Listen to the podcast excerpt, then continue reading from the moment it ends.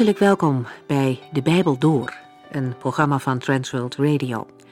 De Bijbel Door is een radioserie die u in vijf jaar meeneemt door de hele Bijbel. Van Genesis 1 tot Openbaring 22.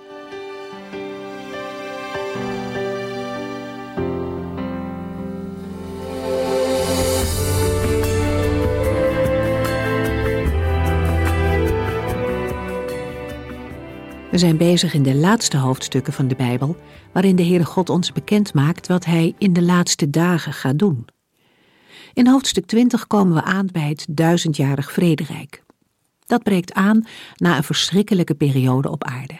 We hebben gelezen over de oordelen van God die de aarde en haar bewoners zullen treffen. Maar ook de antichrist en allerlei demonische machten zullen het leven op aarde tot een verschrikking maken. Tegelijkertijd zien we dat hun macht niet onbeperkt is. Op Gods tijd houdt het op. De Satan wordt opgesloten, duizend jaar lang kan hij niets uitrichten. In deze periode komt er herstel in de schepping, er zal vrede en rust zijn. Mensen zullen leven onder de zegen van Christus, die in dit rijk openlijk zal regeren, samen met de gelovigen die hem trouw gebleven zijn. Het contrast met de voorafgaande jaren aan dit rijk zal enorm zijn. In dit verband komen we een vijfde zaligspreking in het boek Openbaring tegen. Gelukkig zijn zij die aan de eerste opstanding deel hebben. Zij zijn als heiligen voor God afgezonderd. De tweede dood zal hun niets kunnen doen. Gelovigen hoeven niet bang te zijn voor de tweede dood. Dat is de straf die de ongelovigen bij het laatste oordeel ten deel zal vallen. Het vrederijk is echter nog niet ten einde. Het loopt ook niet naadloos over in de eeuwigheid. Na duizend jaar vrede en voorspoed wordt de Satan uit zijn gevangenis losgelaten en hij gaat nog eenmaal rond om zoveel mogelijk mensen te misleiden. En hoe onvoorstelbaar het ook mag lijken na die periode van zegen, lukt het hem toch om veel mensen te verzamelen. En dit immense leger zal optrekken naar Jeruzalem, de geliefde stad van de Heere God. Maar voor hij kan aanvallen, grijpt God zelf in. En daar lezen we vandaag verder over.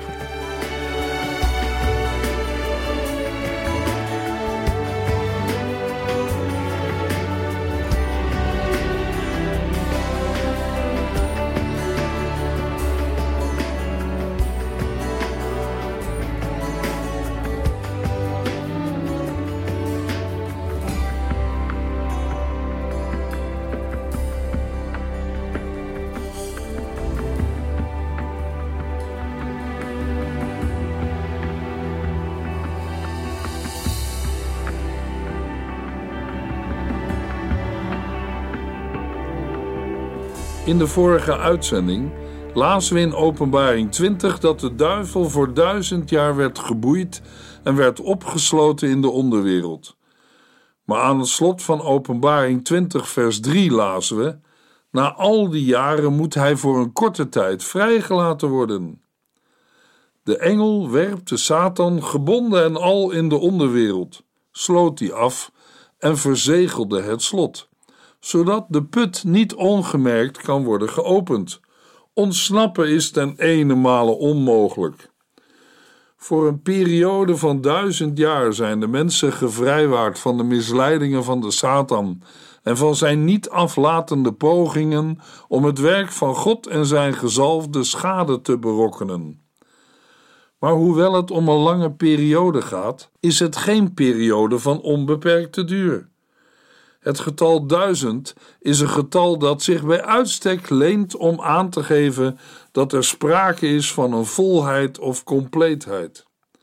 De duizend jaren zijn dan ook een periode waarin Gods bedoeling volledig tot zijn recht komt.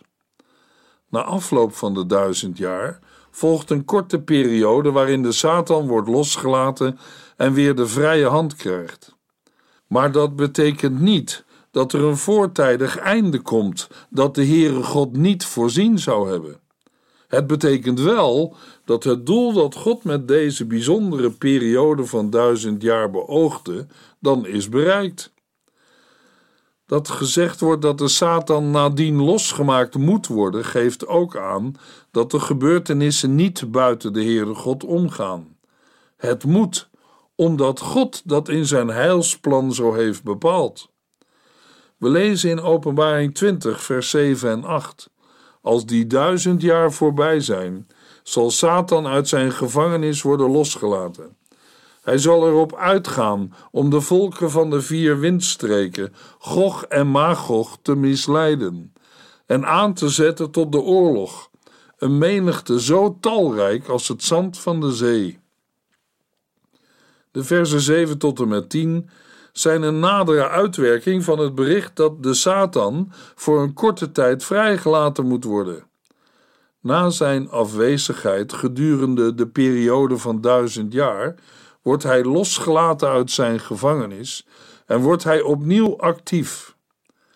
Een en ander betekent dat het vrederijk van de Messias niet samenvalt met de eeuwige heerlijkheid en er ook niet naadloos in overgaat. Openbaring 20, vers 9. Zij rukten van alle kanten op en belegerden het kamp van de gelovigen, de stad die God lief heeft. Maar er kwam vuur uit de hemel dat hen verteerde. Het kamp van de gelovigen, de stad die God lief heeft, is Jeruzalem. De verzamelde legers van Gog en Magog trekken onder leiding van de Satan op naar Jeruzalem. In Jeruzalem bevinden zich Christus en de gelovigen die met hem regeren. De vijandelijke legermacht van de Satan legt een beleg om de stad. Maar nog voordat de aanval wordt geopend, daalt er, net als bij de profeet Elia, vuur uit de hemel dat hen verteerde. Openbaring 20, vers 10. En de duivel, die hen heeft misleid, werd in het brandende zwavelmeer gegooid, waarin ook het beest en de valse profeet waren gegooid. Daar zullen zij dag en nacht gepijnigd worden, voor altijd en eeuwig. Alleen van de duivel wordt nu gezegd dat hij in het brandende zwavelmeer gegooid werd. Met het beest en de valse profeet staat de duivel daar een ononderbroken en onophoudelijk oordeel te wachten, voor altijd en eeuwig. Zijn medestanders, de volken uit de vier windstreken, die met hem tegen Christus en de heiligen in opstand zijn gekomen, moeten eerst nog voor de troon verschijnen en geoordeeld worden. Daarna wacht hun hetzelfde lot als de Satan en zijn handlangers. Openbaring 20, vers 11. Ik zag een grote witte troon en hem die erop zat. De aarde en de hemel vluchtten voor hem weg en verdwenen voorgoed. De versen 11 tot en met 15 beschrijven het laatste oordeel, dat wil zeggen het oordeel over de rest van de doden uit vers 5 en over de goden vijandige volken uit de versen 8 en 9. Het is volgens de versen 12 en 13 een oordeel over alle mensen die ooit hebben geleefd, uitgezonderd de gelovigen. Zij hadden deel aan de eerste opstanding. Over de gelovigen die met Christus in het Messiaanse Rijk regeren, heeft de tweede dood geen macht. In het Grieks lezen we in vers 11: En ik zag een grote witte troon en hem die daarop gezeten was, voor wiens aangezicht de aarde en de hemel vluchten, en geen plaats werd voor hen gevonden. Hij die op de grote witte troon zat, de rechter van het laatste oordeel, is God. We lazen het al in Openbaring 4, vers 1 tot en met 11.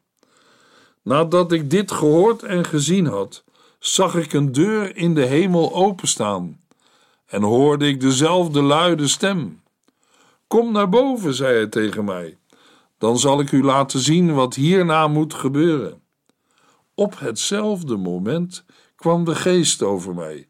Ik zag een troon in de hemel staan en op die troon zat iemand. Hij schitterde als de zuiverste edelsteen, als diamant en sarder. Om de troon stond een regenboog die zo helder was als smaragd. Rondom de troon stonden 24 tronen, en op elk van die tronen zat een ouderling met witte kleren aan en een gouden kroon op zijn hoofd. Uit de troon kwamen bliksemschichten en donderslagen en allerlei andere geluiden. Vlak voor de troon stonden zeven brandende fakkels. Dat zijn de zeven geesten van God. Er lag voor de troon ook iets dat leek op een kristalheldere, spiegelgladde zee. Rondom de troon stonden vier levende wezens, met van voren en van achteren overal ogen. En in Openbaring 5, vers 13 lezen we: En ik hoorde alle schepselen in de hemel, op de aarde, onder de aarde en in de zee daarmee instemmen. Alle lof, eer, heerlijkheid en macht is voor Hem die op de troon zit en voor het Lam, voor altijd en eeuwig. Zelfs de vijanden roepen in Openbaring 6, vers 16 en 17: Verberg ons voor de ogen van Hem die op de troon zit en voor de toorn van het Lam. De grote dag van hun toorn is gekomen en niemand zal die overleven. Daartegenover roepen de verlosten in Openbaring 7, vers 10: Onze redding komt van onze God die op de troon zit en van het Lam. In Openbaring 19, vers 4 lezen we: De 24 ouderlingen en de vier wezens knielden in aanbidding neer voor God die op de troon zit en zeiden: Amen, prijs God.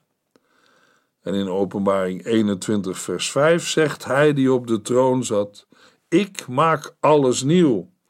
En hij zei tegen mij, dat is Johannes: Schrijf het allemaal op, want wat ik zeg is waar en betrouwbaar. De geciteerde woorden uit het Bijbelboek Openbaring herinneren aan Daniel 7, vers 9 en 10. Ik keek toe hoe er tronen werden neergezet en er een hoog bejaarde plaats nam. Zijn kleren waren sneeuwwit en zijn haar was wit als zuivere wol. Hij zat op een vlammende troon die op eveneens vlammende wielen reed. Een vuurstroom steeg naar boven en vloeide voor hem uit. Miljoenen dienden hem en miljarden mensen stonden voor hem. Het gerechtshof ging zitten en de boeken werden geopend. Ook Jezaja bevestigt dit majestueuze beeld als we in Jezaja 6 vers 1 lezen In het jaar dat koning Uzia stierf, zag ik de Heere. Hij zat op een hoge troon en de tempel was gevuld met zijn glorie.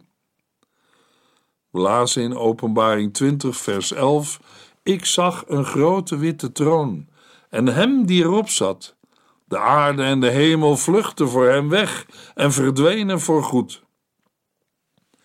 We moeten de woorden de aarde en de hemel vluchten voor hem weg en verdwenen voor goed niet in absolute zin opvatten.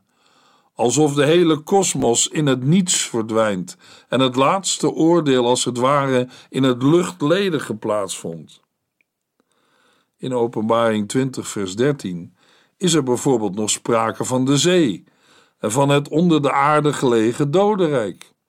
Net als in Openbaring 6 en Openbaring 16 hebben we in Openbaring 20 te maken met een beeldende beschrijving van de verschijning van God, zoals we die bijvoorbeeld ook aantreffen in het Oude Testament. Ik noem een paar voorbeelden. In Psalm 18, vers 7 tot en met 16 lezen we: Toen ik ten einde raad was riep ik naar de Heere. Ik vroeg mijn God mij te helpen. Hij hoorde mij en reageerde op mijn hulpgeroep. Daarop begon de aarde te beven en te dreunen. De bergen sidderden omdat hij toornig werd. Rook en vuur verspreidden zich over de aarde. Hij daalde neer uit de hemel met onder zijn voeten de duisternis. Hij reed op een gerub en vloog op de vleugels van de wind. Hij hulde zich in het duister, zodat hij beschut was in donker water en donkere wolken. De wolken verdwenen toen zijn glans naderde.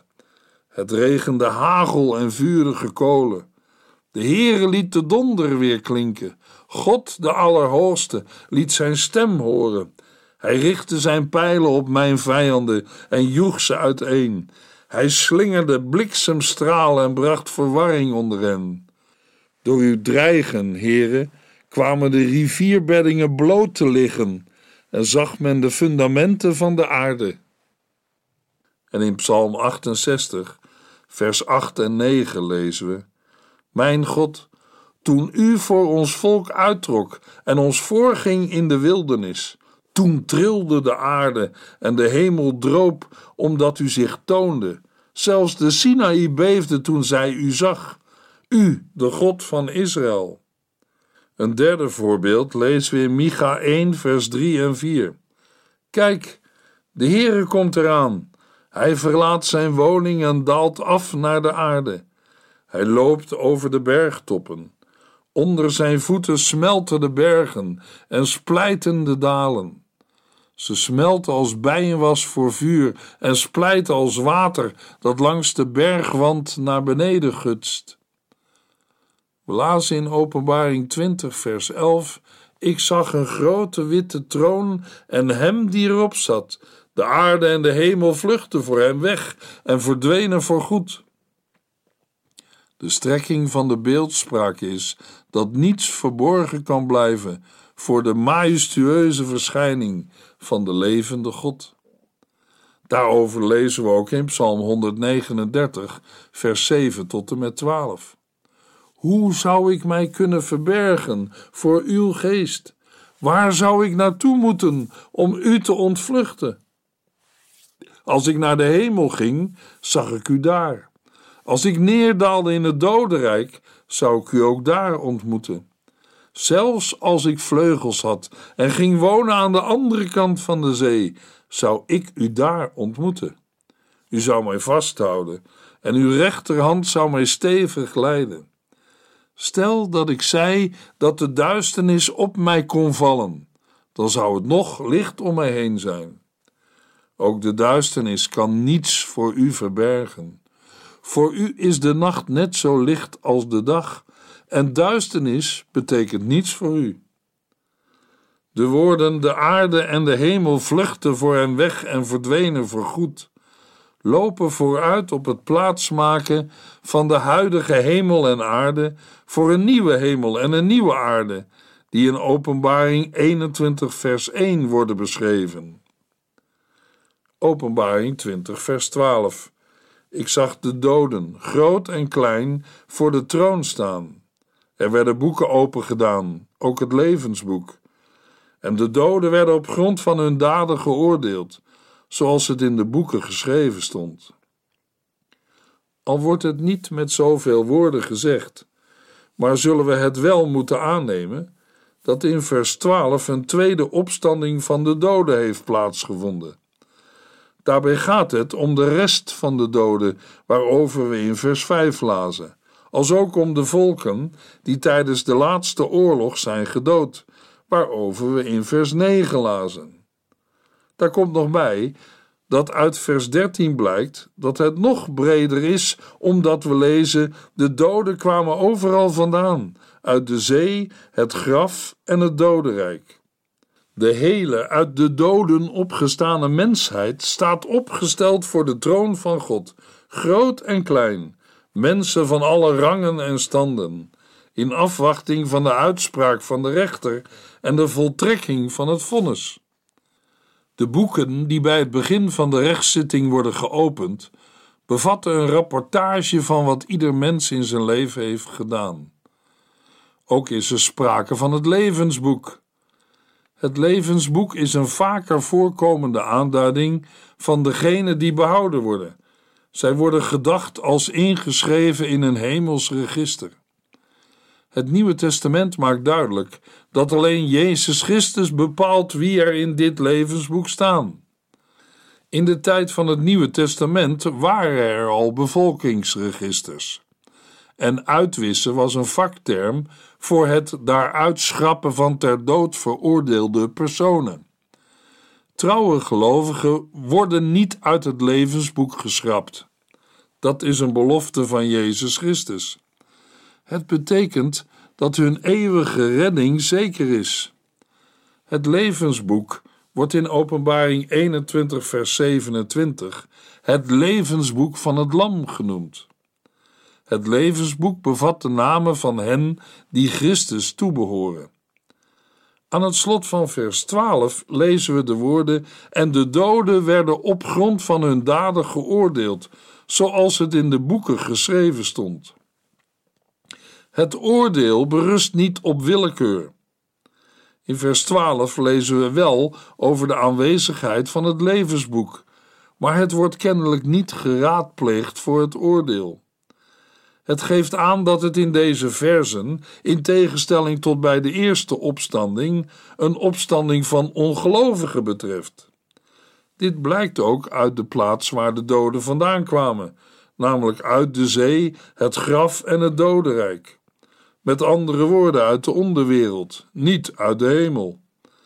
En er wordt alleen een veroordeling genoemd, geen vrijspraak. Het woord opstanding wordt zelfs gemeden. Terwijl bij de eerste opstanding in de versen 4 tot en met 6 alle nadruk ligt op de levenden, ligt in vers 12 tot en met 15 de nadruk op de doden. Het woord graf in vers 13 is de vertaling van het Griekse woord thanatos, wat dood of de dood betekent. In de eerste plaats wordt het gebruikt voor de natuurlijke dood in de algemene zin van het woord, het ophouden van het fysieke leven. Zo komen we het tegen in zinswendingen als een ziekte niet ten dode, de dood niet smaken, de dood zien, een dood sterven en de woorden tot in de dood die tegelijk een tijdsbepaling inhouden. Tegenover het woord dood kan het woord leven en het woord opstanding voorkomen. In Romeinen 5, vers 12 lezen we: Samengevat is het zo. Door de schuld van één mens, Adam, is de zonde in de wereld gekomen. En de dood is het gevolg van de zonde. De dood werd het lot van alle mensen, want zij zondigden allemaal. Wat Paulus in Romeinen 5 zegt, is dat het verschijnsel van een natuurlijke dood zijn oorsprong vindt in de eerste mens Adam, die door gehoor te geven aan de verleiding van de macht van de zonde, de dood als straf over zichzelf en zijn nakomelingen heeft gehaald. In Hebreeën 2, vers 14 en 15 lezen we: Omdat wij mensen van vlees en bloed zijn, is Hij, Christus, ook een mens van vlees en bloed geworden. Want alleen als mens kon hij sterven, en zo ook de duivel, die de macht over de dood had, machteloos maken. Alleen op die manier kon hij de mensen, die hun leven lang vrees voor de dood hadden, uit de slavernij bevrijden. Door hem is de duivel, die de macht over de dood had, machteloos geworden. Zijn macht is gebroken door de dood van de Heer Jezus. Vervolgens komt het woord dood in de Bijbel voor in de zin van gewelddadige dood. Bij de woorden schuldig tot de dood gaat het om een schuld als wettige reden voor een terechtstelling, en in het geval van een oordeel des doods om het doodvonnis. Ondubbelzinnig is in dit verband ook de term tot in de dood aan het kruis, hetzelfde als de dood door kruisiging. Met name in het proces van Jezus komen deze verschillende betekenissen voor. Zo spreekt het Joodse Sanhedrin op grond van vermeende godslastering uit dat Jezus de doodstraf verdient. Terwijl Pilatus vaststelt dat Jezus niets heeft gedaan waarop naar Romeins recht de doodstraf staat. Ten derde staat het woord dood voor dat wat de dood veroorzaakt of dreigt te veroorzaken. Het wordt dan vaak vertaald met een woord als doodsgevaar. Zo staat er letterlijk in de Griekse tekst van 2 Korintiërs 1 vers 10 en hij heeft ons uit zulk een groot doodsgevaar verlost en zal ons verlossen. In bijzondere zin houdt het woord dood ook de geestelijke dood in de toestand van de mens die leeft zonder het echte leven met God te hebben ontvangen. Deze geestelijke dood kan dan uiteindelijk resulteren in een eeuwige dood, als keerzijde van het eeuwige leven. Het is waar dat de uitdrukking eeuwige dood als zodanig niet voorkomt in het Nieuwe Testament, maar wel de tweede dood. Een benaming voor de pijniging in de poel van vuur, die duurt voor altijd en eeuwig. Verder kan thanatos ook gebruikt worden om dat wat de dood bewerkt of aanbrengt te beschrijven. Tot slot zijn twee bijzondere toepassingen van het woord dood het vermelde waard. Paulus zegt in Romeinen 6, vers 3 tot en met 5: Weet u niet dat ieder die in Christus Jezus gedoopt is, met hem één is geworden in zijn dood? Die doop in hem was onze begrafenis. En zoals Christus weer levend is gemaakt door de heerlijke macht van de Vader, zo mogen wij nu ook een heel nieuw leven leiden. Wij zijn dus één geworden met Hem. Eén in dood en leven. Paulus schrijft dat er sprake is van een gemeenschap met de dood van Christus door het afgestorven zijn voor de zonde. Ten tweede wordt op verschillende plaatsen in de Bijbel de dood voorgesteld als een persoon en is de dood de laatste vijand die door Christus uitgeschakeld zal worden. De vraag kan gesteld worden waarom het levensboek hier geopend wordt, terwijl het voor het oordeel niet wordt geraadpleegd. Is het om er alsnog namen bij te schrijven? Worden er uit deze scharen nog mensen vrijgesproken? Of wordt het levensboek alleen geopend als een openbaar bewijs van de namen die erin staan? Vers 15 lijkt dit laatste te ondersteunen. Het laatste vers van deze uitzending is Openbaring 20, vers 13. De doden kwamen overal vandaan, uit de zee, het graf en het dodenrijk en zij werden allemaal geoordeeld naar wat zij hadden gedaan. Weer blijkt dat er zonder Jezus geen toekomst is. Luisteraar, geloof in de Heer Jezus Christus, dan zult u gered worden. In de volgende uitzending lezen we Openbaring 20, vers 14 tot en met 21, vers 2.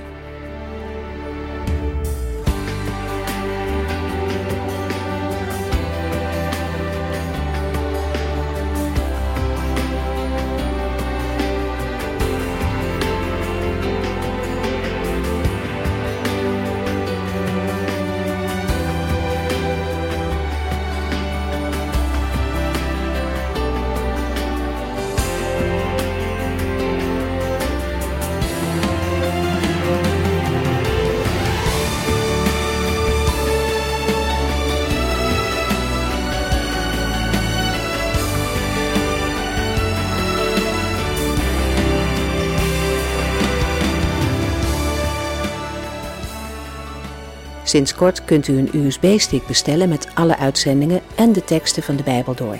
Ons adres volgt in de afkondiging. U heeft geluisterd naar De Bijbel Door. In het Nederlands vertaald en bewerkt door Transworld Radio. Een programma waarin we in vijf jaar tijd de hele Bijbel doorgaan. Als u wilt reageren op deze uitzending of u heeft vragen, dan kunt u contact met ons opnemen. Tijdens kantooruren kunt u bellen op 0342 47 8432. 0342 47 8432. Ook kunt u een e-mail sturen naar de transworldradio.nl en natuurlijk kunt u ook via de post ons bereiken. TWR, postbus 371, postcode 3770, AJ in Barneveld. Dit programma werd gepresenteerd door Corweda en Ike André. Techniek was in handen van Odin van Woerdenkom. En namens ons allemaal bedanken we u van harte voor het luisteren.